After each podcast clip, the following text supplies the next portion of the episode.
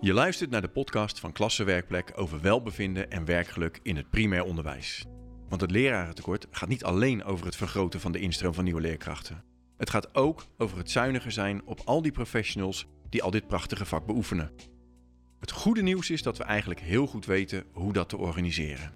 Sterker nog, er zijn al scholen die het werkgeluk van leerkrachten op een heel hoog niveau hebben. In deze serie podcast gaan we in gesprek met die scholen en besturen.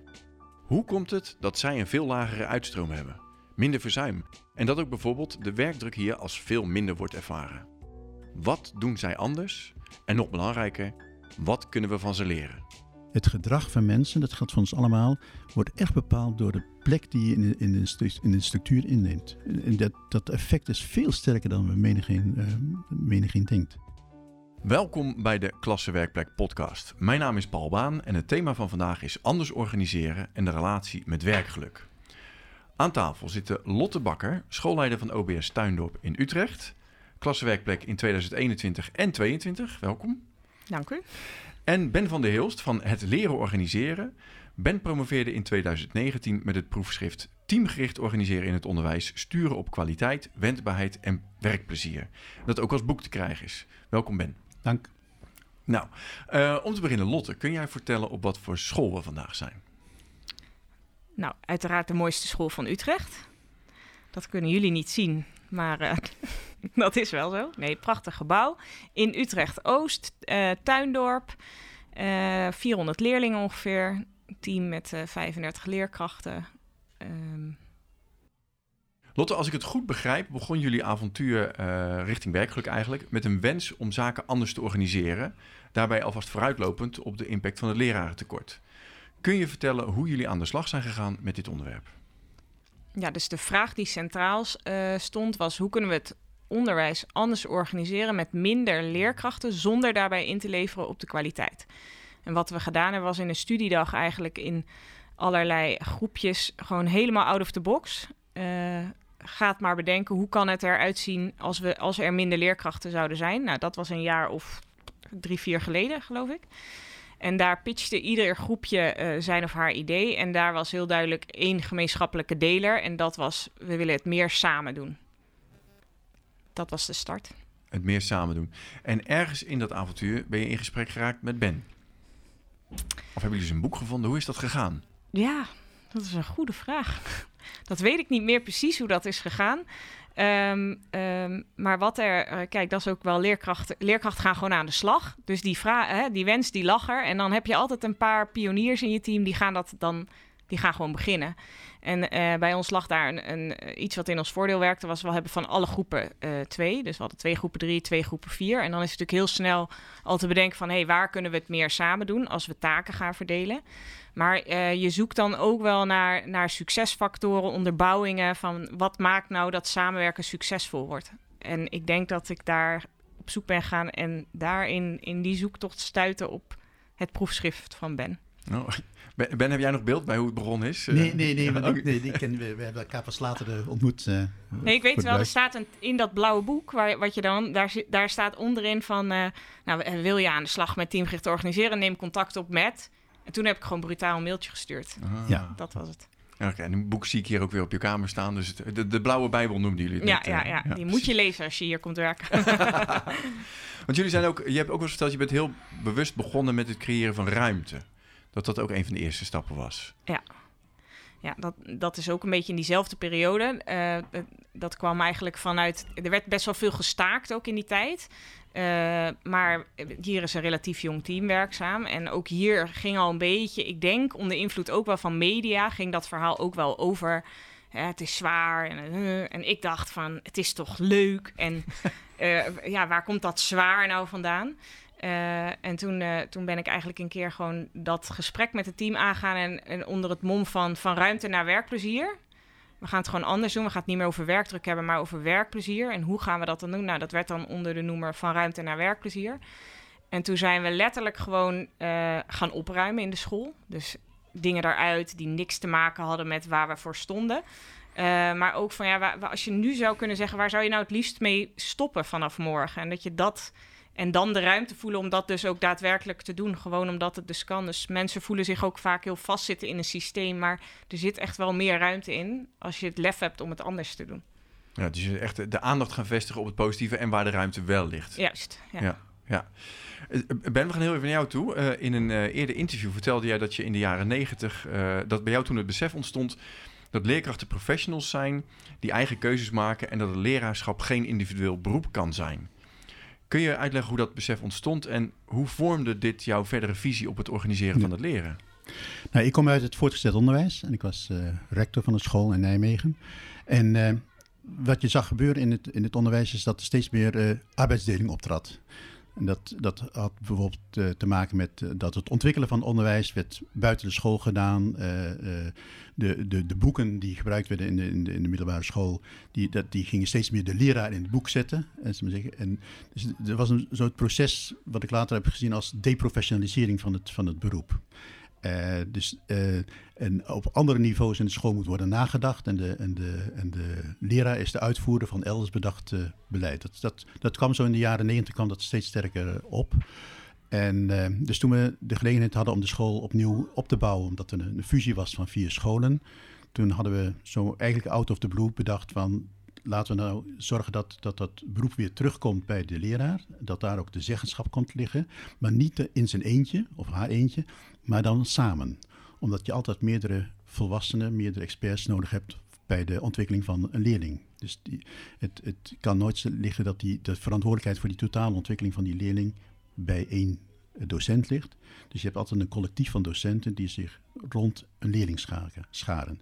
En dus daar moet ook de zeggenschap liggen omdat daar ook de verantwoordelijkheid ligt. Ja, dus waar het vaak over gaat is geef het vak terug aan de leerkracht. Dat is waar je mee zijn begonnen, maar dan ook nog specifiek geef het vak terug aan het teamleerkracht. Ja, een teamleerkracht. Dus de, het autonomieniveau ligt vooral op het uh, teamniveau. Oké, en deprofessionalisering, dat is ook wel, dat is eigenlijk wel een schrikbarend woord. Nou, het is met het, met het, uh, dat we nu met het lerarentekort zitten, is voor een belangrijk deel is dat veroorzaakt door de deprofessionalisering van de laatste 40 jaar. Kun je dat iets verder uitleggen? Nou, in de, in de jaren 80, 90 ontstond het idee dat die, dat die collectieve sector heel slecht presteerde. En een belangrijk deel van de collectieve sector is het onderwijs. Het onderwijs leidt niet goed op voor, voor, voor de economie. Het gaat erg slecht in de jaren 80. En toen is het idee ontstaan, wat later de, naam heeft gekregen, New Public Management. Omdat dat de publieke sector moet gereorganiseerd worden. Er moest meer zeggenschap komen bij de schoolbesturen. Uh, er moest veel sterker management komen om veel efficiënter en effectiever om te gaan met de schaarse middelen. De, de collectieve sector moest minder geld kosten, omdat dat de economie, de economie zo deed stagneren. En toen heb je dus gezien, en, en dat is in de zorg zo gegaan, bij de politie, in, het, in, de, in de rechterlijke macht, maar ook vooral in het onderwijs, heeft dat geleid dat je zegt, we maken grotere eenheden die zelf hun broek moeten ophouden, die de lump sum financiering kregen toen. En we moeten zorgen dat er sterk management kwam, komt. En toen heb je dus die, die, die, die fase gehad in alle sectoren, hoort, HBO, MBO, PO en VO, dat er grotere eenheden moesten komen, uh, die zelf hun, hun centen moesten gaan beheren. En uh, die sterk ook gecontroleerd moeten worden van buiten, buiten. En die sterk management moesten hebben, meerdere lagen zelfs, hè, om, om die leraar aan het werk te krijgen. En wat je dus ziet is, dat wat er sinds die tijd gebeurd is, is dat het besturingssysteem het, om de leraar aan het werk te krijgen, is steeds verder uitgebreid. En, en, en met stafdiensten en, en meerdere managementlagen. Terwijl het werk, de uitvoering van het werk eigenlijk hetzelfde is gebleven. Namelijk gewoon de, de, de leerkracht in de eentje of met z'n tweeën de klas in. En, dat, en die, dat is een sluipende route geworden. Dat, dat heeft ook geleid dat je in uh, dus, uh, het denken over leraren als, als gewoon werknemers die aan het werk gezet moeten worden, heeft geleid dat je zegt, je moet ze een werkbriefje meegeven. Dat, is, dat is de normjaartaak geworden. Ja, ja. je moet ze beschermen tegen de macht van de management. Dus je moet een, een MR hebben. Je moet ze gaan controleren. Dat is de, de heeft dat, eh, die naam gekregen. En er zijn allemaal tendensen geweest die heeft geleid tot deprofessionalisering. En later werd er ook gesproken, leraren kunnen soms zelfs als geuzennaam gebruiken, wij van de werkvloer. En, en, er is een, in, dat, in, die, in die opvatting van dat sterke management is er dus ook een tegenstelling tussen de belangen van, van de leraar en de belangen van het management. Dus, en dus de, die leraar moet ook beschermd worden tegen het, tegen het management. Toen ik begon in het onderwijs, maar dat is heel lang geleden, toen had ik twaalf bladzijden CAO. Dat was het rechtspositiebesluit ambtenaren. In het PO heb je nou 400 bladzijden nodig om de Ja. leraar aan het werk te krijgen. ja, het is verschrikkelijk. Volstrekt absurd. Ja. Ja. mooie historische duiding. Ehm, wat ik meteen ook hoor is, jullie zaten meteen al op die as van we willen dingen samen doen. Jij bent zelf ook al gaan kijken wat kunnen we minder doen, waar kunnen we ruimte creëren. Dus het klinkt als iets wat jij van nature al. Ik wist dit eigenlijk allemaal niet. ik werd geboren in de jaren tachtig. dus- ja. Eh, Maar je hebt het wel meegebracht. ja. Ja. Ja. Op de een of andere manier heb je aangevoeld, het moet anders of het kan anders. Ja. Hè? Ook misschien vanuit eigen ervaring. En, eh, Leerkracht niet zien als een lopende bandmedewerker die op efficiëntie moet worden gestuurd en gecontroleerd, maar als professional die het zelf. Ja. Nou ja, en dus veel eh, leerkrachten die eigenlijk net het werkveld pas ingaan en dan al het hebben over werkdruk. En eh, nou had ik dat zelf niet toen ik net startte met werken, omdat ik er gewoon zoveel plezier in had en, en, en, en een gigantische passie had, dat, eh, dat ik het ook niet herkende. Maar dat ik dus dacht, wow, als dat, ja, je, moet, je moet nog zo lang werken, om het maar zo te zeggen. Maar kennelijk is het dus nu al, voelt het dus zo zwaar nu al. Eh, nou ja, dan zit er iets niet goed, zeg maar. Dat, dat zien wij ook eens in, on- in ons onderzoek overigens. Hoor. Het werkgeluk de eerste twee jaar onder leerkracht is eigenlijk best hoog.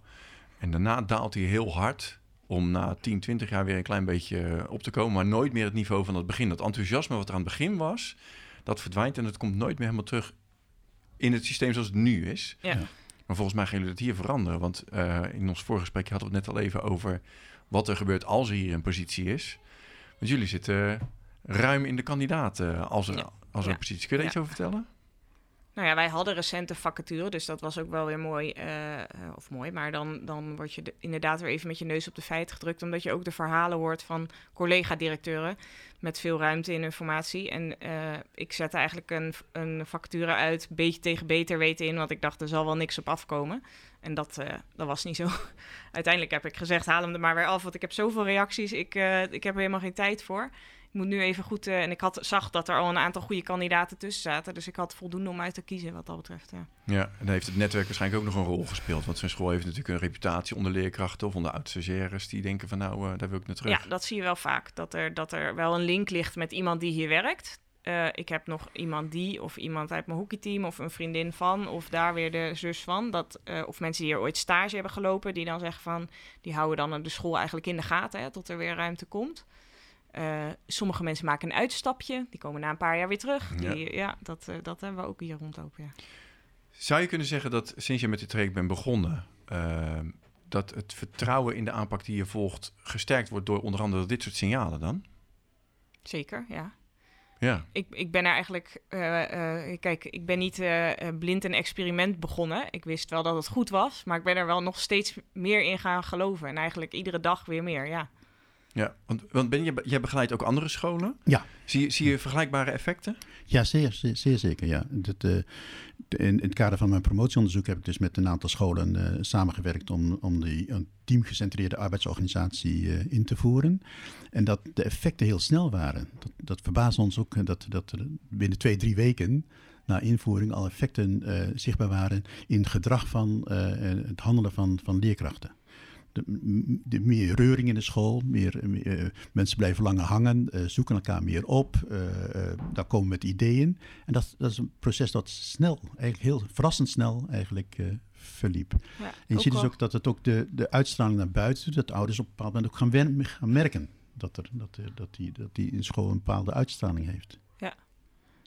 Ja, en ook dat je dus hoort als het anders is, dat je het bijna niet meer kan geloven. Dat je denkt van, ja, maar het is zo logisch. Op het moment Ja. dat je zo werkt, dat het Ja. zo logisch is dat je, dat je eigenlijk niet kan geloven dat het anders kan of zo. Ja. Ja. Maar ik, in een van de eerste jaren dat we klaswerkplek deden, kregen we een, een eh, juf voor de, voor de videocamera was dat toen. En die echt vol ongeloof stond uit te leggen. Ik snap het niet. Waarom wil niemand dit doen? Het is zo mooi. En Ja. nou ja, Ja. fantastische uitleg van hoe het kan zijn. En inderdaad, volstrekt logisch ook Ja. eh, eh, dat, het, dat het zo is. En in die zin wat, wat heeft eh, corona bij ons ook best wel in het voordeel gewerkt, omdat dat toen ook weer even heel zichtbaar werd. Op een gegeven moment moest je weer terug in bubbels werken. Dat was toen, eh, je mocht niet meer mengen. Dus de kinderen mochten niet mengen, maar leerkrachten mochten ook niet mengen. Dus het was weer even terug naar één klas, één leerkracht. En, en daar zag je ook ineens, ja, toen werd het effect zo duidelijk van wat, wat was en waar we dus even aan gewend geraakt waren. En weer terug naar, naar die vaste bubbels en structuren en dat isolement waar je dan weer in, in gaat werken. Ja, en dat, dat eigenlijk niemand zich daar prettig bij voelde. Dus toen dat weer voorbij was, was, was er nog meer wens om verder te gaan in het traject waar jullie waren? Uh, nou, toen kwam voor mij heel sterk dat stukje kansengelijkheid eigenlijk uh, aan het licht. Omdat door uh, wat het ook voor ouders veel tastbaarder maakte, was eigenlijk van hey, je, had, je had 4A en 4B. En de verschillende kwaliteiten van die leerkrachten werden ook heel zichtbaar. Um, dus ik geef dan vaak als voorbeeld: de leerkracht van 4B speelt gitaar. En voorheen profiteerden alle kinderen uit groep 4 daarvan, want zij speelden natuurlijk voor die hele groep. Of dan in groep A, dan in groep B, dan nou weet je zo. En in die coronatijd kon zij alleen maar voor groep, groep B gitaar spelen. Dus die kinderen van groep A kregen nooit muziekles. Want ja, die leerkracht kon helemaal geen gitaar spelen. Even heel in Jip en Janneke. Maar dit gebeurt dus overal in het onderwijs. Want dit gebeurt ook met rekenen. Dit gebeurt ook met uh, uh, veiligheid in de klas, pedagogische aanpak, waar de ene leerkracht nou eenmaal sterker in is dan een ander. Ja. maar als je in een isolement werkt, ja, dan, dan, dan, dan maak je hokjes en schotten op plekken waardoor er gewoon veel minder kinderen profiteren van die kwaliteiten. Ik wil zo heel even nog op dat kansenongelijkheid terugkomen. ben, jij vertelde net, binnen twee tot drie weken zie je de eerste effecten al. Is er, is er een eerste interventie, of wat is het eerste waar je mee gaat beginnen, waardoor je zo snel effect hebt? Wat, wat kunnen andere scholen meenemen hieruit? Nee, het, het, het, model is heel eenvoudig. Dus echt, eh, te gek dat je daarop kunt promoveren. Is, uh, dat moet je tegen niemand zeggen. Nou. Nee, nee, het, nee, het is heel simpel uh, wat dat betreft. En kijk, de, de, kernwoorden zijn collectief verantwoordelijkheid dragen voor, voor, voor kinderen. En dat, dat moet georganiseerd worden. Dus je, je, een, een, net zoals je een hele goede klasorganisatie nodig hebt om, om het leren van, het zelfstandig leren van, van leerlingen mogelijk te maken, heb je ook een hele goede schoolorganisatie nodig. Dus op schoolniveau een goede inrichting. Dus ehm, we weten allemaal, er is enorm veel literatuur over het belang van samenwerking. Hè? Dat, dat, dat is het belang van de kwaliteit voor de, voor de, voor de kinderen, maar het is ook voor de professionalisering uh, en het werkplezier van, van leerkrachten is dat van belang. Er is, er is, nou ja, is onmiskenbaar heel veel uh, literatuur over, over verschenen. Dus dat, dat, dat moet de kern zijn. En, de, en dus je, je richt de school anders in. En, dat, is, dat, is, en dat, dat hoeft niet langzaam te gaan, dat kan in één keer. Dus, en dat ga je samen met het team voorbereiden. Je neemt er een half jaar voor om dat uh, samen voor te bereiden. Wat gaan we nou doen? Welke, welke ontwikkelingsfase van kinderen zien we? Welke, welke uh, gaan we groep 1 tot en met 3 samen doen? Of groep 1, 1 2? Dat, dat zijn pedagogische, didactische opvattingen van de school. En dan ga je samen met het team zo'n ontwerp maken.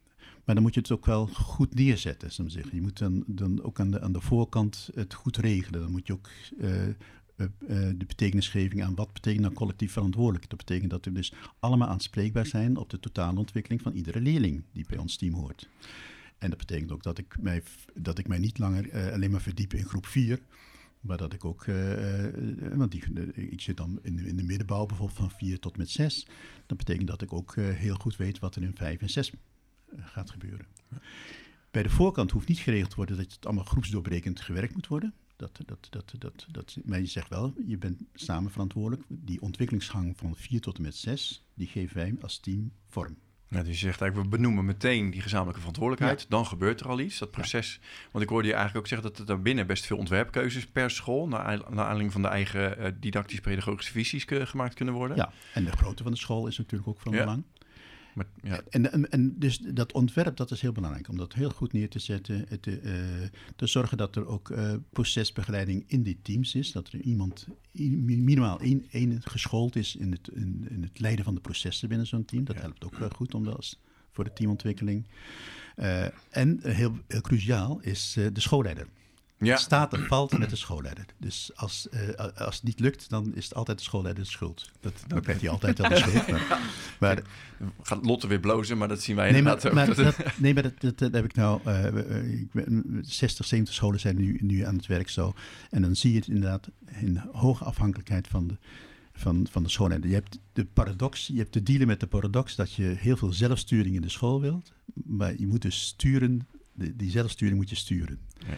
En je moet, je moet oog voor hebben voor, voor het werk met de teams. Je, je, moet, uh, je moet ook zorgen dat de, de blendende systemen en, en, en, en, en, en organisaties toegerust zijn om die teams maximaal te laten presteren. De ICT-systemen, uh, noem ja. maar op. Het personeelsbeleid, uh, individuele functioneringsgesprek vind ik dat, dat, die, dat die niet hoeven. Want die hebben toch, het is ook al bewezen dat die geen... Ja, je hebt geen- groepsverantwoordelijkheid. maar je hebt wel, uh, teamfunctioneringsgesprekken zijn wel belangrijk. Ja. Dus de, de nabij leiderschap van, van de directeur is wel erg belangrijk. Ja, en dat En zien wij hebben ook. een eh, voorbeeld. eh, En ze hebben een voorbeeldrol in de manier van leidingen eh, geven. Wij, zien dat in ons onderzoek ook. De, de Ja. schoolleider is de belangrijkste voorspellende voorwaarde voor, eh, voor werkgeluk. Ja.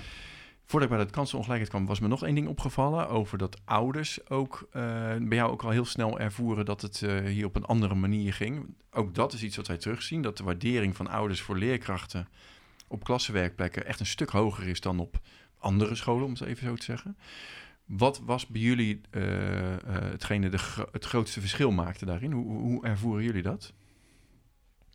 Dat, dat ouders dat gingen ervaren? Dat het respect van die ouders eh, toenam, dat de ouders er iets van merkten. Ehm, ja, bij, bij ons was, omdat het een beetje gelijk opliep met corona, zat dat heel erg in de continuïteit. Dus dat je continuïteit kan bieden omdat er altijd iemand is die de kinderen kent. Hè? Dus samen verantwoordelijk zijn. Dat betekent dus dat kinderen ja, ook te maken hebben dus met die meerdere leerkrachten, volwassen. En dat op het moment dat er iemand wegvalt, is er dus altijd een bekend persoon, een, iemand, hè, een veilige basis voor die kinderen. Ja, en wat, wat ja, als ouder, wat doe je als je kind thuiskomt? Je heeft hij het naar zijn zin? Is het fijn op school? En eh, eh, ja, als er veiligheid is, dan is dat, dat al eh, ja, veilig, bekend, vertrouwen. Nou ja, dan, dan heb je volgens mij als ouder heb je het gewoon, ben je blij. Als je kind blij is, ben je zelf ook blij. Ja. Ehm, dus ik, ik merkte dat vooral heel erg in de continuïteit en, en ehm, eh, ja, dus bij, bij uitval en bij ziekte en het feit dat je dan een vaste basis kan blijven bieden, dat, dat geeft gewoon heel veel rust en vertrouwen daardoor. En dat krijg je terug van die ouders ook. Ja. Ja, ja. En eh, je, je noemde net al eh, kansenongelijkheid. We, zijn, we zitten hier natuurlijk in toch een soort van gezegende wijk, mogen we wel zeggen, denk ik. Ja. Ehm, op jullie site staat ook heel duidelijk, kansenongelijkheid is ook hier een belangrijk thema. Ehm, maar ook een thema dat onder druk staat door de tekorten. Tekort aan leerkrachten, tekort aan goede schoolleiders of schoolleiders eh, überhaupt. Ehm, hoe draagt jullie aanpak dan bij aan het oplossen van die kansenongelijkheid? nou, vooral om te, te laten zien hoe het dus anders kan. Ik hoop dat dat heel erg, hè, dan, dan kunnen we ook aan het werkveld laten zien of aan andere eh, scholen van hey, zo kan het ook. Kijk, je hebt hier niet zozeer te maken met kansenongelijkheid. Deze kinderen krijgen natuurlijk heel veel mee en, en hebben in die zin de school minder hard nodig hè, om ergens te komen. Zo, zo moet je dan. Dat, dat vind ik soms zelf ook lastig, hè, want dan denk je, oh, waar maak ik nou het verschil? Of hoe kan ik dan. ehm, eh, maar dit, deze plek is wel ook een plek waar voor leerkrachten, wat echt een hele fijne start is eh, voor je loopbaan. En wat wij, waar wij het een beetje naar verlegd hebben, is eigenlijk van, is in die teams ook te kijken naar, ehm, eh, ja, dat noem je dan die erkende ongelijkheid. Eigenlijk kan je naast leerkrachten dan ook andere professionals inzetten. Dus bijvoorbeeld leerkrachten in opleiding, leraarondersteuners, die dus in plaats van een dat, hè, dat zie je nu veel. Die doen de PABO en die doen een ander bijbaantje. Vo- eh, Voorheen werkte je, weet ik het, wat je deed bij de kinderopvang of in een, in een restaurant of zo. En deze studenten gaan al in een school werken. Ja, hoe mooi dat je die al aan zo'n team kan toevoegen. Maar dat doen we ook met MBO-studenten. Ehm eh, nou ja, LIO'ers, leraarondersteuners. En die werken dus al samen in zo'n team. En zij ervaren dus al hoe het is om die verantwoordelijkheid te dragen. Want ze doen gewoon mee. Gewoon als gelijkwaardige professional. En dat er binnen verschillen zijn. Dus de een is al afgestudeerd leerkracht of heeft al meer ervaring. Maar zo'n leraarondersteuner is voor die, voor die kinderen gewoon een leraar. En heeft gewoon taken eh, binnen het team en binnen het onderwijs. En dat vind ik een heel gaaf effect ook om te zien. Omdat zij dus onderdeel zijn van het team. Niet meteen alle verantwoordelijkheid dragen, maar al wel een beetje ervan kunnen proeven. Daardoor hebben ze gewoon een hele geleidelijke loopbaanstart. En op het moment dat ze dan afgestudeerd zijn, ja, dan, dan zijn ze er echt klaar voor. Maar dat is wel heel anders dan dat je één dagje stage loopt in de week en in een school af en toe mee eh, doet. Of dat je echt onderdeel ervan bent. Wat, ik, wat ik zie op het niveau van kansongelijkheid bij, bij kinderen, zie ik dat het ontzettend helpend is wanneer er een team van, eh, van leerkrachten is, meerdere experts eigenlijk bij elkaar, die zo'n leerling een paar jaar volgen. Want het is eh, dat je we, we hebben een ontwikkelingsgang van ja, groep eh 6, 7, 8 of 7, 8. En we zijn met, met, met- we zijn met z'n vijven, zessen, eh, rond die leerlingen. En we hebben het er ook vaak over. En wil je die, die kansongelijkheid uh, uh, en je eigen vooroordelen en je eigen, hè, dus je eigen visie, zal ik zeggen, uh, als je dat niet nergens ter discussie stelt, als dat niet, niet samen... Elkaar behoeden voor, Ja. voor Oh, ja. blinde vlekken. En dat, is, en dat is heel belangrijk bij, Ja. bij, bij kansongelijkheid. En Zo, dat is een van de oorzaken van die kansongelijkheid. Is dat je met een bepaalde ja, vooringenomenheid, die je zelf ook bijna niet meer herkent bij jezelf. Dat kind, en dan is het goed dat er meerdere blikken zijn. Ja, want als je dat in een eh, één kind, één klas eh, of Ja. één leraar, één klas setting hebt, dan Ja, maar dat is dus anders als op een... eh, je ziet dat soms in Jenaplan of soms op vrije scholen... dat dat heel lang... Hè, dat, dat, dat, dat je drie jaar lang dezelfde leerkracht hebt. Dat is anders dan in teamverband. Want Ja. als jij geluk hebt, heb je dus drie jaar lang die leerkracht... die gitaar kan spelen en goed in rekenen is... en goed in... en al die dingen, heb je geluk. Ja, en waar jij een klik mee hebt dan ook nog. Ja, ja. maar die toevalligheid, die wil je natuurlijk weg. Ja. Het mag geen toeval zijn dat jij toevallig bij die leerkracht in de klas zit. Ja. En hier, hier heb je dus dan te maken met een team wat minimaal twee jaar die leerling volgt. Ja, waardoor je En- altijd de verschillende invalshoeken meeneemt, allemaal die is, in die is vaker, eh, staat hij op de agenda, er is vaker eh, is daarover gesproken eh, en, en, en, en wordt kritisch gekeken naar, naar, naar, naar een gezamenlijk oordeel over Ja. die... die Ja, en dat, dat vind ik dus bij ons ook heel mooi. Wat ook een vanzelfsprekendheid is geworden voor ouders. Is dat wij dus niet één op één gesprekken voeren. Maar soms ook met twee of drie leerkrachten het gesprek voeren. Ja. En dat is niet vanuit de. Wow, ik heb een zorgleerling. Alle, maar dat kan ook vanuit leren van elkaar. Hey, zullen we dit gesprek samen doen? Kan ik leren van jou en jij van mij? Nee, hè, je hebt dan eh, twee paar oren. Hoor je ook weer andere dingen? Hoorde jij ook dat die ouder. Dit, nou, zo, dat, dat is heel waardevol in gesprekken met ouders. En je weet als leerkracht dat je er nooit alleen voor staat. Dat is ook gewoon heel Ja. fijn. Ja. Wat je net benoemde met onderwijsassistenten en stagiairs, betekent dat vraagt wel een goede organisatie. Want anders kun je die plekken niet zomaar Nee. eh, aan, dat, ze- aan dat soort mensen eh, geven. Eh, ben, in jouw boek gaat het ook over slordig georganiseerde scholen. Daar lijkt me dit dan wat lastiger. Maar aan de andere kant denk ik altijd, dat klinkt ook wel weer heel gezellig. Eh, waarom is het zo erg als scholen slecht georganiseerd zijn? Nou ja, eh, als je een schoolsysteem hebt waarbij de, het mentale model, hè, dus dat ergens onder tafel zit, dan jij bent een werknemer en jij voert uit wat anderen bedacht hebben. Hè, ik zie nog steeds eh, besturen die daar een, een, eh, strategisch beleidsplan maken en dat uitrollen via de directeur naar de werkvloer. Kijk, als dat het mentale model is waarin jij als, als, als eh, leerkracht werkt, en als het ook niet duidelijk is, dan we zeggen, eh, dus als de samenwerking binnen een bouw, bijvoorbeeld op, een basisschool, wat ik vaak tegenkom, heel vrijblijvend is, dat noem ik dan slordig. Dan is, dus is blijkbaar is bedoeld dat de bouw, eh, eh, dat er samengewerkt wordt. Maar wat je dan in de praktijk ziet, is dat dat, dat eh, ja, vaak heel vrijblijvend is. Vrijblijvende afspraken, dat het gaat meer over regelklussen dan over, eh, over het echte onderwijs. En dat, noem ik slordig. Dan is niet duidelijk gedefinieerd wat is nou een bouw. En wat doet een bouwcoördinator. En wat is de rol van de IB'er. Ik zie heel veel scholen die hebben een IB'er dan in het MT gestopt. En, en, en waarbij het eigenlijk onduidelijk is welke verantwoordelijkheid die wegneemt bij de, bij de individuele leerkracht. En ik denk als je met teams werkt, ja, dan, dan, dan moet het heel duidelijk gere- geregeld zijn dat zo'n IB'er, die werkt dan met die teams. Die zorgt dat die teams sterker worden, eh, zowel inhoudelijk als ook de manier van samenwerken. En, dat, en dan, ja, dat bedoel ik met zorgheden, je moet het wel heel goed inrichten. En er is zo weinig belangstelling geweest voor de inrichting van die arbeidsorganisatie. Alle, en dat is ook het woord anders organiseren. Dat wordt heel vaak, denken sommige mensen, dat het gaat over de onderwijsorganisatie. Maar het veel belangrijker is de arbeidsorganisatie. En dat zijn twee heel verschillende dingen. Ja, de, de schoolorganisatie. Ja. Ja. Ja. En, je, en je ziet ook heel veel eh, op bestuursniveau dat er, dat, dat er eh, gewoon aan de school wordt overgelaten hoe ze worden ingericht.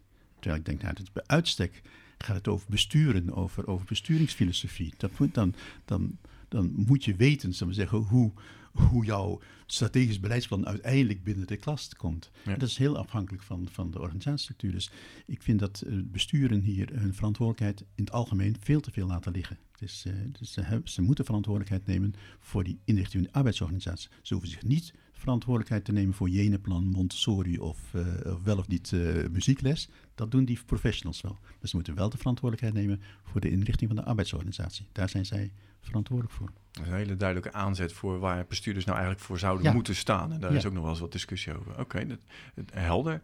Ehm, je had het net over die- of die, die, die scherpe organisatie. Ik, ah, vanuit mijn eigen ervaring, eigen ervaring weet ik ook hoe belangrijk het is dat je ehm, een goede organisatie neerzet in een situatie waarin je autonomie wil bieden. Ja. Want eh, autonomie zonder duidelijke kaders, dat wordt zwemmen. Ja. Maar je noemt ook heel specifiek het teamverband daarbij. Hoe verhoudt eh, professionele autonomie zich tot dat team? Hoe werkt dat? Nou ja, kijk, als, als, als leer, leer- leerkracht eh, besef je dat, je dat je zegt: ik moet samenwerken met anderen om mijn werk beter te doen. Het is niet, niet zomaar een, een, een- kunstje of, een, of een, toevallig een hype of zo. Maar ik ga samenwerken met mijn collega's, omdat we dan kennis kunnen delen. Dat we samen naar kinderen kunnen kijken, dat we samen casuïstiek kunnen bespreken. Dat ik met anderen kan eh, bespreken over mijn eigen handelen, mijn didactisch eh, handelen in de klas. Dat ik dat met anderen kan bespreken dat ik ook met anderen kan bedenken of we op een andere manier de dagindeling of eh, de weekindeling gaan maken om het nog beter voor de, voor de kinderen te maken. Eh, dat, dat verhoogt mijn autonomie. Want als ik in mijn eentje werk, we zeggen, dan kan ik wel zeggen, ja, ik ben heel autonoom, maar ja, het is meer, er is een, voor mij een groot verschil tussen isolement of autonomie. Hè, dus, eh, dus we verwarren dat nog wel eens. Dat we zeggen nou de autonome leerkracht. Nee, dat is meestal geïsoleerde leerkracht. En echte autonomie, dat, bij echte autonomie hoort samenwerken met anderen. Ja, hoort ook dat, dat professionele gedrag inderdaad. Ja. Lotte, nou ja, jullie zijn hier dus mee bezig. Ehm, ik duik er meteen in. Eh, hoe, hoe past zoiets als, als de normjaartaak eh, in dit eh, hele gebeuren? Nou, niet. Nee, nee. nee. Het werkbrief. Dat, dat dacht ik al. Maar hoe lossen jullie dat dan op? Ehm, nou, je maakt wel afspraken met elkaar. Ehm, eh, dus vooral de, de teams onderling. Hè? Daar maak je, je maakt dus afspraken met elkaar van hoe gaan we om met die tijd buiten onze lestijd. Daar gaat het over. En ga je dan inderdaad afspraken maken over... eh, nou, we vinden dat iedereen tot half vijf hier op school moet zijn. Of zo laat aanwezig. Of, kijk, het is, als je dus, het is wel handig om ergens af te spreken... waar ontmoeten we elkaar. Want als je wil samenwerken is het niet handig... als je om kwart over twee uur eh, de deur dicht trekt, bijvoorbeeld zo. Dus een van de afspraken die wij gemaakt hebben... is iedereen werkt op woensdag hier. Op woensdag zijn we om half één uit.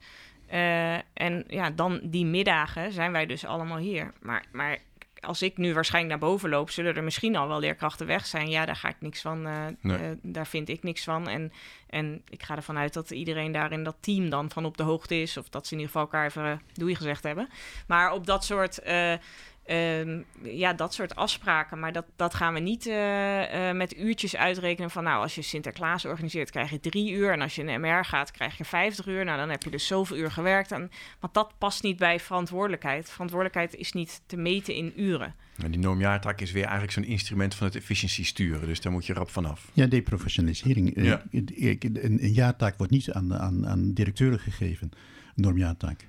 Nee. Dus die- blijkbaar vinden we dat een ander soort professional dan de, dan de, Ja. dan de leerkracht. En, en da- daar zie ik een enorme ambiguïteit van. We zeggen de leerkracht een, een professional. En ik vind ook hoor, dat we dat ontzettend moeten benadrukken. Het is een, een, een professional. Maar we handelen hem als een CO-medewerker. Ja. Dus dat, dat, en die ambiguïteit moet eruit. En daar, Ja, daar, moeten, band misschien. daar moeten bestuurders moeten daar hun verantwoordelijkheid voor nemen. Ja. Want die, die kunnen. Kijk, het, het leraartekort is, dat gaat niet, niet, niet snel over. Maar als we nu niet een keerpunt maken. hè, en dan zitten we over, over 30, 40 jaar zitten we er nog, eh, nog mee. Dus de, en bestuurders hebben de macht om het keerpunt te maken. Dus die, ook, en ook de verantwoordelijkheid dus. Maar ik had wel inderdaad een van mijn sollicitanten in deze ronde. Die vroeg eh, expliciet naar het taakbeleid en hoe dat hier geregeld was. En ik heb inderdaad ons eh, werkverdelingsplan, wat dus één A4'tje is, waar heel erg op staat: we werken vanuit vertrouwen. Ehm, dit zijn de studiedagen van dit jaar. Eh, ehm, nou. eh, Weet ik, eh, gewoon dit soort dingetjes waar we het net over hadden. Hoe regelen wij Sinterklaas en dat soort dingen. Dat staat bij ons daarop. Eh, en dat, dat was voor haar ook een soort eye-opener. Dat kende Ja. zij helemaal niet. Dat Nee, zo, zijn- ja, ja. de verschillen zijn zo groot nog. Ja. Eh, je hebt ook wel eens eerder verteld dat ook het gedrag van kinderen, ehm, van de leerlingen, geraakt is door deze, door deze aanpak. Ja. Kun je daar nog iets over vertellen? Ja, ik noem dat dan altijd een beetje eenkennigheid. Dus wat wij in het verleden hier wel hadden, was heel erg van... eh, jij bent mijn leerkracht en ik luister naar jou. En als je niet mijn leerkracht bent, dan, eh, dan hoef ik ook niet naar jou te luisteren. Even heel zwart-wit gezegd. En wat je nu ziet, omdat kinderen dus eh, te maken hebben met veel meer leerkrachten... dat ze eigenlijk, ja, ik noem dat dan sociaal flexibel zijn, ook naar volwassenen toe. Dus ze accepteren veel meer eh, gezag, maar dat klinkt... Maar, geza- maar ja, ze, ze, ze zijn dus makkelijker. Ze kunnen ook daarmee omgaan. Dat, dat mensen misschien daar anders in zijn. En nou ja, dat, eh, ja, dat er dus meer mensen bij hun betrokken zijn. En ook ja, zich meer met hun bemoeien of zo. En dat te accepteren zijn. Dat, en ik denk stiekem, omdat ze dat dus ook ervaren, dat dat heel prettig is. Het, het werd makkelijker op het schoolplein, begreep ik. uiteindelijk. ja. Ja. ja. Volgens mij hebben jullie allebei ook een, uh, een, een, een, mening of een visie op deeltijden. is iets wat natuurlijk in het onderwijs uh, veel voorkomt. Ja. oh, wie wil er als eerste? nee, ja, na, naast die woensdag dat je hier moet werken. dus als je hier komt werken, dan zijn er eigenlijk twee voorwaarden. En eentje is dat je minimaal drie dagen werkt. Uh, en dus op woensdag aanwezig bent. En die drie dagen, dat heb ik wel echt geleerd vanuit het onderzoek van Ben. Dat was voor mij altijd al een knelpunt. En, en toen ik dit las, toen wist ik eigenlijk waarom, zeg maar. Dus Toen ah. dacht ik, ah ja, daar zit het dus in. Mensen die minder dan drie dagen werken, die kunnen het gewoon niet bijhouden. Dat, dat is lastig om samen mee te werken, want die zijn er maar heel weinig. Uh, en nu ik dit verhaal ook net weer hoor, denk ik, ja, maar als jij dus, dus niet denkt vanuit verantwoordelijkheid, maar vanuit ik werk alleen op maandag en dinsdag, dan is dat, dat is ook geen verantwoordelijkheid. Dus je kunt geen sterke teams vormen met mensen die er minder dan drie dagen zijn. Is dat, is dat het? Nou ja, het is, het is een van de verwordenheden van die deprofessionalisering. Dat, dat je zegt van je kunt dit beroep dus ook gewoon in twee dagen doen. Uh, er zitten twee aspecten aan. namelijk, die, die, twee dagen hebben ook te maken dat een ander dan drie dagen werkt. En als je zo'n dus een systeem hebt, een organisatie hebt, waarbij je één groep hebt met, uh, waar, dan een duo voor staat, dan is 0,6 en 0,4 is ongeveer 1. En uh, zo wordt er dan gerekend. Dus, dus, maar als je met teams werkt, waarbij je dus 80 leerlingen hebt of 60 leerlingen hebt, dan heb je dus, laten we zeggen, uh, 2,6 FTE. Die kun je dan verdelen in, in de 4 keer 0,65 of, of meer. En een ander aspect aan is dat we, het, waarom ook dat je link legt met die deprofessionalisering, is dat, dat we zeggen, je kunt het in, in een korte, je kunt in twee dagen die baan doen. Dat betekent ook dat je de baan ook helemaal los ziet van de organisatie waarin je werkt. Want je kunt het commitment niet hebben met je. met je, dus En ook heel erg is dat in de, in de eh, CAO staat dat je dan ook maar voor 0,4 hoeft te professionaliseren. Oh. Dus je hebt een chirurg die, die, die twee dagen in de week gaat werken, die hoeft zich maar voor 0,4 te professionaliseren. Dat is ondenkbaar in elke andere sector. Het is toch, toch, toch heel raar dat we zeggen van, dat we dat laten afhangen. En bovendien, je, je, werkt in een organisatie en, en, en het is niet vakken vullen bij Albert Heijn waar je, waar je één avond kunt doen. Maar je, je werkt in een organisatie, de kinderen zijn de hele week daar. Je volgt de kinderen, je werkt samen met anderen, je professionaliseert je juist door die samenwerking met anderen. Dus je kunt die baan niet anders doen dan... Ik ben voorstander van part en werk, maar, uh, maar 0,7 vind ik dan uh, een mooi, uh, mooi minimumgetal. Ik, ik, had het eigenlijk bij mijn eigen functie, de, toen ik de formatie naar de ouders stuurde, want dan vul je altijd in wie is er aanwezig, zo communiceer je dat nou eenmaal. En zat ik al een beetje mee te stoeien, want je zat eigenlijk dan maandag, dan ja, zat je al die dagen en dan schrijf je bij wie er is. En toen had ik eigenlijk al anders gedaan. Ik ging gewoon beschrijven, groep 7, die leerkrachten. En ouders mogen erop vertrouwen dat er gewoon twee leerkrachten die dag sowieso aanwezig zijn. Zo hebben we dat ook in coronatijd gedaan. Dat we zeiden, je mag er, mag er echt op vertrouwen dat er gewoon mensen zijn eh, die dag. Maar we gaan niet iedere dag communiceren wie er zijn. Dat zie ik hier ook gebeuren. Dat leerkrachten onderling, ze ruilen soms met dagen. Of dan kom ik op school en dan, oh, die is er niet. Nee, want die... Nou, zo prima. Dat is helemaal zoals het zou moeten. Ik had het ook met mijn eigen dagen. Ging ik mezelf invullen, dacht ik, ja, dan ben ik er op vrijdag niet. Ja, ik ben er soms wel op vrijdag, soms Ja, ik ben niet ineens vrijdag geen directeur meer. Zo werkt dat nou helemaal niet. Dat is niet werken vanuit verantwoordelijkheid. Ja. Wat, je, wat ik zie met, uh, bij scholen die dus die, uh, die, die teamgecentreerde arbeidsorganisatie hebben ingevoerd, dat dat dat er eigenlijk op twee manieren uh, gaat het, het lerarentekort, uh, of de, de, de, pareert het een klein beetje. Op de lange termijn is het nodig om dat beroep weer een ander aanzien te geven. En op de korte termijn zie ik dus dat die scholen makkelijker in staat zijn om met verstoringen in het rooster om te gaan dan, in, dan andere scholen. Dus verzuim is er ook minder doorgaans, toch? Dat zal bij jullie ook. herken je dat ook? Ja, dat is na dit jaar wel lastig. Want uh, dit was natuurlijk sowieso voor iedereen wel een pittig jaar. Maar over het algemeen is dat te zien, ja. Ja. En als er dan een verstoring is, kunnen ze makkelijk oplossen. Die kunnen ze met elkaar regelen, ja. ja. Nou ja, en je bent, dus, je bent dus überhaupt flexibeler om ook als je op het moment, kijk, je hebt, als jij op een gegeven moment kinderen krijgt, dan, dan gaat dat ook ergens iets met je thuisorganisatie. En en hoe lekker dat je misschien kan zeggen: uh, joh, ik breng even mijn eigen kinderen naar school en ik kom om negen uur, dan wil ik die dag wel werken. Nu zou iemand zeggen in een andere organisatie zeggen: ja, ik kan niet werken die dag, want ik moet de kinderen naar school brengen. Dat is zo'n zo'n star denken. Terwijl waarschijnlijk is er binnen die school best iemand die het eerste uur de groep op wil vangen.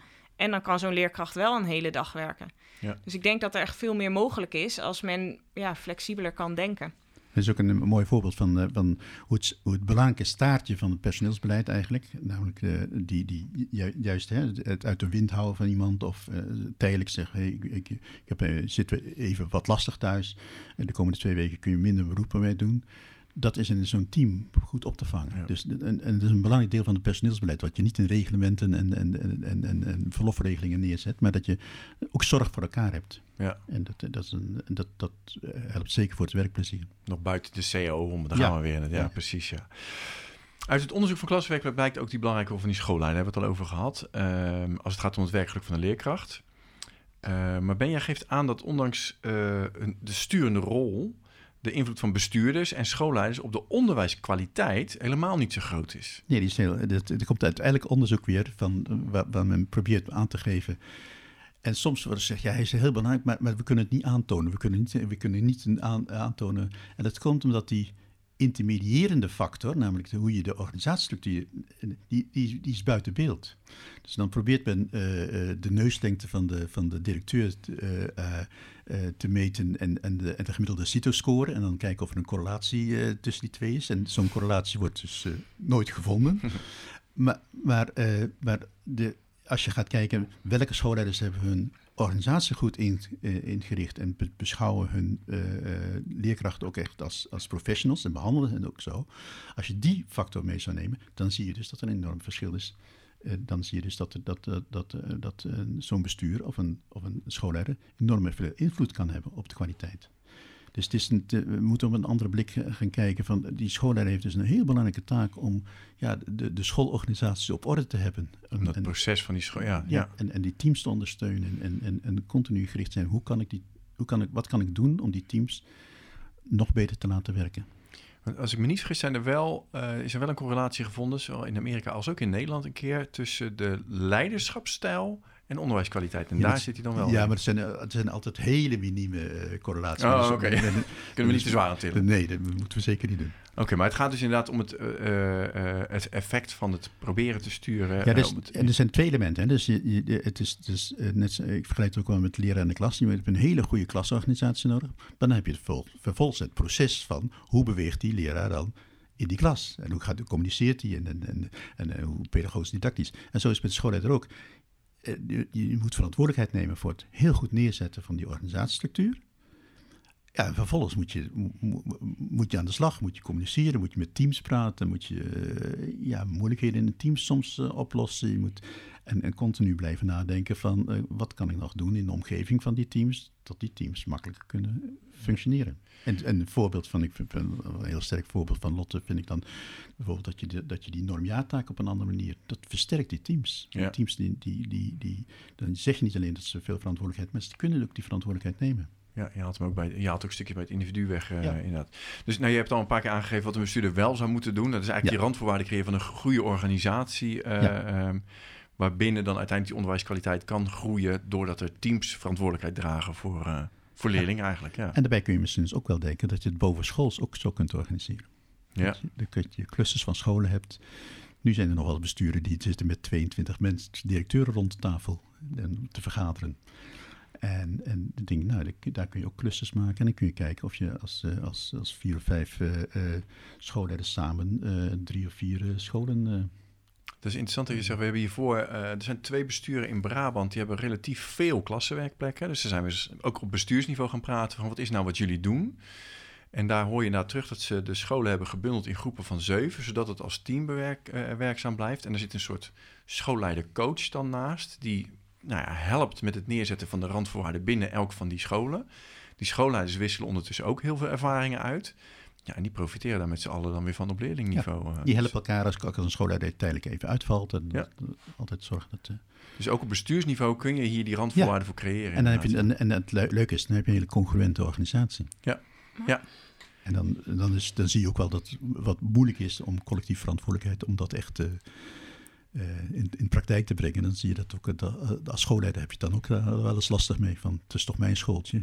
En, moet ik nou ook eens verantwoordelijk zijn voor, de, voor het schooltje van jou? dan zit je inmiddels op eredivisieniveau. Dan mag het ook een beetje moeilijk worden, toch? Ja. Dat gevoel heb ik wel. Hoe, hoe herken jij jouw rol uh, in, in dit verhaal als degene die wel niet impact heeft op onderwijskwaliteit op jouw school? Ja, dat, ja, ik vind dat dat lastig om te zeggen. Ik geloof dat ook wel heel erg. Ehm, eh, omdat er echt wel dingen zijn in de structuur waar je heel, ja, waar, waar wat, wat helpend kan zijn, ook voor gedrag. Ook op een manier waarvan je kan zeggen, als je, ehm, als je iets in de structuur verandert, waardoor mensen eigenlijk niet meer terug kunnen naar hoe het was, Kijk, en daar kan je als schoolleider natuurlijk wel iets in betekenen. Ik geef even als voorbeeld, want we hadden het net ook over die systemen die bijvoorbeeld niet helpend zijn. Um, uh, dat wat wij op een gegeven moment hadden gedaan, is uh, het communicatiesysteem met ouders, wat voorheen ingedeeld was in groepen, is eigenlijk in de teams uh, doen. Dus altijd vanuit het team communiceren naar ouders.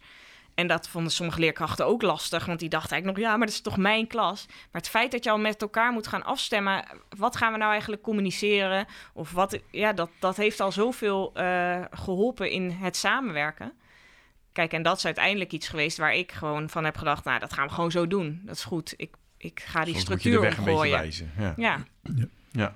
En uh, ik vind het ook een mooi voorbeeld wat je zegt, want uh, vaak wordt over cultuur gesproken, een professionele cultuur. En eigenlijk mag je niet over professionele cultuur spreken als je niet eerst de professionele structuur hebt. De structuur is, want uh, het gedrag van mensen, dat geldt voor ons allemaal, wordt echt bepaald door de plek die je in de, in de, in de structuur inneemt. En dat, dat effect is veel sterker dan we menigeen, uh, menigeen denkt. Dus die, het gaat niet om cultuur in eerste, het gaat om structuur. Is een interessant bruggetje naar uh, de volgende vraag. Want uh, wat ook bleek uit het onderzoek is dat de academische leerkrachten die hier rondlopen het ook erg goed naar hun zin hebben. Um, heb je het gevoel dat nou die, die structuur dan, laat ik het nog even benoemen, dat die specifiek ook iets doet voor academische leerkrachten? Zie je daar verschil? Mm, nou ja, kijk, wat wij, uh, wat wij doen eigenlijk is, is dat je ieder jaar, je hebt een team en een team gaat eigenlijk aan de start gaat voordat ze een, eh, op het moment dat ze een team worden, gaan ze met elkaar taken en rollen verdelen. Dat zijn geen functies. Dat is niet iets waar je, dat is gewoon, hé, wat ga jij dit jaar doen? Wat ga jij dit jaar doen? Uh, kan ook zijn op basis van wat gaan we verbeteren. Bij mij maken de teams ook een verbeterplan eigenlijk. Daar kiezen ze een punt wat ze gaan aanpakken. Ik geef even uit de bovenbouw bijvoorbeeld. Iemand waren ze met begrijp het lezen integreren in de zaakvakken. Dat was hun speerpunt. Dus dan gaan ze rondom dat thema, gaan ze eigenlijk kijken wie heeft, wie heeft daar affiniteit mee met dat. En dan zegt iemand, hé, hey, maar ik heb de, ben taalspecialist. Oh, mooi, nou kan jij daar een rol in. Maar volgend jaar kan het een ander punt zijn. En misschien zegt die taalspecialist dan wel op dat moment, oh, maar, ja, maar dat lijkt me heel interessant. Nee, dat kan niet, want jij bent taalspecialist en dat mag dan niet. Dat is, hè, dus het, dat je het feit dat je ook kan wisselen van een rol en uh, Um, dat zorgt ook weer voor werkplezier. En dat je dus weet van, oh, maar als ik hier nu inspring, dan betekent dat niet dat ik de komende tien jaar, dat ik dat dan dus moet gaan doen. Nee, je kan dus binnen, binnen zo'n team kan je ook wisselen. En dat is natuurlijk, ja, nagelang wat er speelt in zo'n team of waar je... Kijk, en dat, dat is ook weer iets wat bewezen is, dat dat gewoon voor veel werkplezier zorgt. En ik denk zeker bij de generatie die ook nu gaan werken, die vinden dat ook heel belangrijk. Want dat is iets hè, waar ook veel verloop is.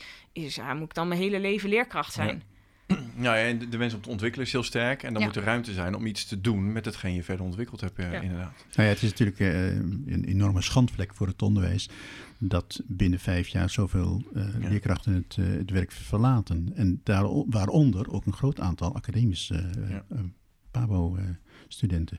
Dat, dat mag niet gebeuren. En dat heeft heel vaak te maken toch met, met, met de organisatie. het werk zelf en binnen de klas, dat is meestal is fantastisch, vinden de meesten. Maar dan, uh, dan zet ze een voet buiten de deur en dan uh, buiten de klas en dan, dan zakt de energie uh, in de schoenen. Omdat er onvoldoende aanspraak wordt gemaakt op de, op de, de kwaliteiten van, van, van zo iemand. Dat, hetzelfde is gebeurd met, met de, de, de masters die heel veel leerkrachten hebben gevolgd. Dat er onvoldoende benut is. Ja. In, in, omdat er geen structuur is waarin waarin dat, uh, die, die, kennis zeg maar zeggen, benut kan worden. Terwijl als je in een team werkt, en inderdaad, precies zoals Slot aangeeft, jouw specialiteit of jouw expertise wordt, uh, wordt gewaardeerd, of er zitten anderen op te wachten. En die kan, die kan, die kan tot, tot effectiviteit in de klas leiden.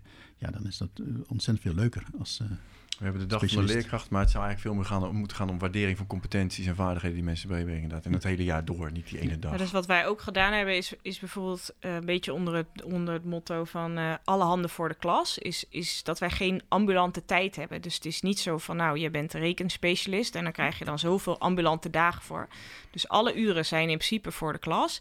En men gaat dan op het moment eh, dat ze het nodig hebben, eh, ga je eigenlijk met elkaar in overleg. En dan gaat het over van, hé hey joh, ik heb, ik heb wat extra taken op ICT-gebied. En dan ga je dus met elkaar kijken van, uh, joh, wanneer zou dat dan handig zijn? En dan ga je dus ook goed kijken naar je onderwijstijd. Want dan zeg je, ja, maar dan is die groep gimmen, dus dan, oh, dan kan het dan wel. Dus dan ga je, ja, weet je, dus daarin ook heel flexibel organiseren ja, dat levert heel veel op. En ook voor de professionaliteit. Dus vorig jaar hè, deden we dit aan, gingen we dit eigenlijk een beetje zo uitleggen. Nu hoorde ik ze dit jaar al over vrije dagen. Ja, maar het is handiger als je die dag vrij hebt, want dan hebben we gym en dan is het, oh ja, nee, dat is goed. Dat, eh, ja, dat, dat, dus het feit dat, dat die ambulante, dat, ja, het is een beetje ontschotten eigenlijk. Hè? Gewoon niet, niet, niet in van die vakjes denken. Niet één dag ben je ambulant. Nee, dat is een taak, die hoort bij jou. Je bent verantwoordelijk voor datgene. En dat past binnen jouw werk tijd. En dan ga je met elkaar kijken wanneer je dat kan doen. Ja. Ik moet langzaam toe naar een, eh, een, afronding. Ik heb nog één belangrijke vraag. Daarna wil ik jullie vragen om uh, een, een, een, gouden tip. Nou, voor bestuurders heb ik hem eigenlijk al gehoord, maar misschien nog, nog een keer benadrukken. Een gouden tip voor, uh, voor bestuurders, schoolleiders om het behoud van hun leerkrachten en het werkgeluk dus verder te versterken. Um, maar we hadden nog heel eventjes over die distributieve of dienende leiderschapstijl en de eventuele directe of indirecte bijdrage aan onderwijskwaliteit. Ehm, in je boek schreef je ook uh, dat het niet per se aan de schoolleider ligt, maar dat uh, deze vorm van leiderschap eigenlijk geïnstitutionaliseerd kan worden in een organisatie. En dat is natuurlijk eigenlijk goed nieuws, want dat betekent dat die leiderschapstijl voor veel meer mensen uh, binnen bereik komt. Maar hoe institutionaliseer je dienend leiderschap? Nou ja, kijk, eh, wat, wat veel uh, tegenwoordig uh, gezegd wordt over, over distributed leadership, hè, dus het, het, het, verdelen van leiderschap, gedeeld, gedeeld leiderschap, hoe belangrijk dat is eigenlijk. dat, dat ga je in zo'n structuur waarbij je dus aan die teams grote autonomie toekent, gaat het vanzelf gebeuren. Dus die, die, die, die, die teams zitten bij elkaar en die pakken de, de, de, pakken de leiding in feite over, over de processen helpen elkaar. Die doen dus, die, dat zijn allemaal leiderschapskwaliteiten die zij tentoonstellen. Zij, zij gaan, een specialist gaat iets uitzoeken, helpt uh, het team om op, die, dat specialisme verder te komen. Dus um, je, hebt het leiderschap als het ware belegd in, de, in het team. En dat geeft de mogelijkheid voor, voor de leden van zo'n team om, om ook daar op te excelleren, om, om, om, om, om de leider te zijn voor, bij, bij bepaalde ontwikkelingen. Dus daarmee bedoel ik dus, dan heb je het vastgelegd in de, in de structuur. Dus het begint eigenlijk niet met het leiderschap, maar het begint met het loslaten en die verantwoordelijkheid in het team leggen. Ja, ja, uh, los, loslaten vind ik, uh, vind ik eigenlijk niet. Want ik vind dat, dat een, een schoolleider nog heel veel te doen heeft. En dat, uh, ik spreek dan liever over de nabijleiderschap. Want mm.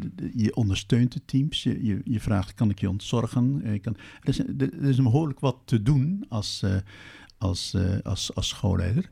Als je, als je wil dat leerlingen autonoom willen gaan, eh, zelfregulerend gaan leren, dan moet je niet de klas uitlopen. Dan moet je dat in nauwe, een nauwe relatie met die leerling doen. En dat geldt ook voor schoolleiders. Wil je die teams, uh, die sturing van die teams verhogen en, en, en, en, en die teamontwikkeling stimuleren, dan zul je er dichtbij moeten zijn. Ja. En, en, helpen, ondersteunen. Ook soms briljante ideeën, inhoudelijke ideeën, kun je in de teams leggen als je maar het uh, eigenaarschap van het team respecteert. Dan mag je alles doen. Ja. Nog een belangrijke tip dus eigenlijk. Nou, kunnen we het samenvatten? um, Lotte, wat zou je, als je het hele gesprek overziet, wat is jouw gouden tip? Wat wil je iedereen meegeven? Um, hoe zorg je beter voor je leerkrachten dat ze blijven en niet binnen vijf jaar weer uh, het vak verlaten? zijn er veel.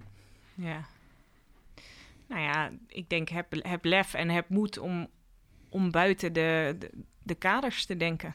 Er kan echt veel meer dan, dan we met z'n allen denken. Ja, ook dit traject eigenlijk wat jij helemaal bent ingestart. Dit kan prima binnen de kaders. En sterker nog, het laat zien dat het heel goed werkt. Ja. ja. ja. Oké. En lees de, lees de Blauwe Bijbel. Want lees hij de Blauwe is, uh, Bijbel. Ja, het is echt een heel uh, handzaam boek. En het heeft ons ook heel erg geholpen om gewoon de eerste stap te zetten. Ja, teamgericht organiseren in het basisonderwijs van Ben van der Hils, de Blauwe Bijbel. Ja. Ben zelf, heb je er nog een... Uh, wij krijgen nu Ben zelf. Nee, maar we moeten er ook niet ingewikkeld over doen. Maar het is, er is inderdaad lef nodig. De organisatie wordt eenvoudiger in feite. Het wordt niet gecompliceerd, maar eenvoudiger. Maar uh, ook omdat we juist met een eenvoudige organisatie complexere dingen kunnen doen. We, want de complexiteit van het vak neemt alleen maar toe, dus dat, uh, dat houdt niet op. Dus wil, je, wil je die complexere taken aan, te kunnen, aankunnen, dan moet je dus zorgen dat de organisatie minder complex wordt. En dat doe je door uh, hele vaste samenwerkingsverbanden te creëren binnen je school. Rond leerlingen, niet rond thema's, niet, geen, geen ontwikkelgroepen, maar rond leerlingen, rond de kernactiviteit van, van, van, van je school. En dat is, op zich is dat een eenvoudig organisatiemodel. Uh, maar ja, je kunt, je kunt het boekje lezen dat je dan. Het is goed om dat aan de voorkant wel even goed in te regelen. Dus je zegt eigenlijk, wil je echt knappe dingen voor elkaar krijgen, dan moet je het juist heel simpel maken en organiseer je teams rondom de leerlingen. Ja. Kijk. En dan gedurende enkele jaren liefst. Dus. En daar ligt ook een rol voor de bestuurder. En, dus, en de, bestuurder moet heel hard nadenken erover en zorgen dat op al zijn scholen dat gebeurt. En zorgen dat het personeelsbeleid dan in lijn is met zo'n organisatie. Hartstikke goed. Dank voor dit eh, gesprek. Jullie hebben heel veel meegegeven. Ik hoop dat de luisteraars er heel veel mee kunnen doen. En uh, veel succes met waar jullie mee bezig zijn. Dankjewel. Graag gedaan. Ja, graag gedaan.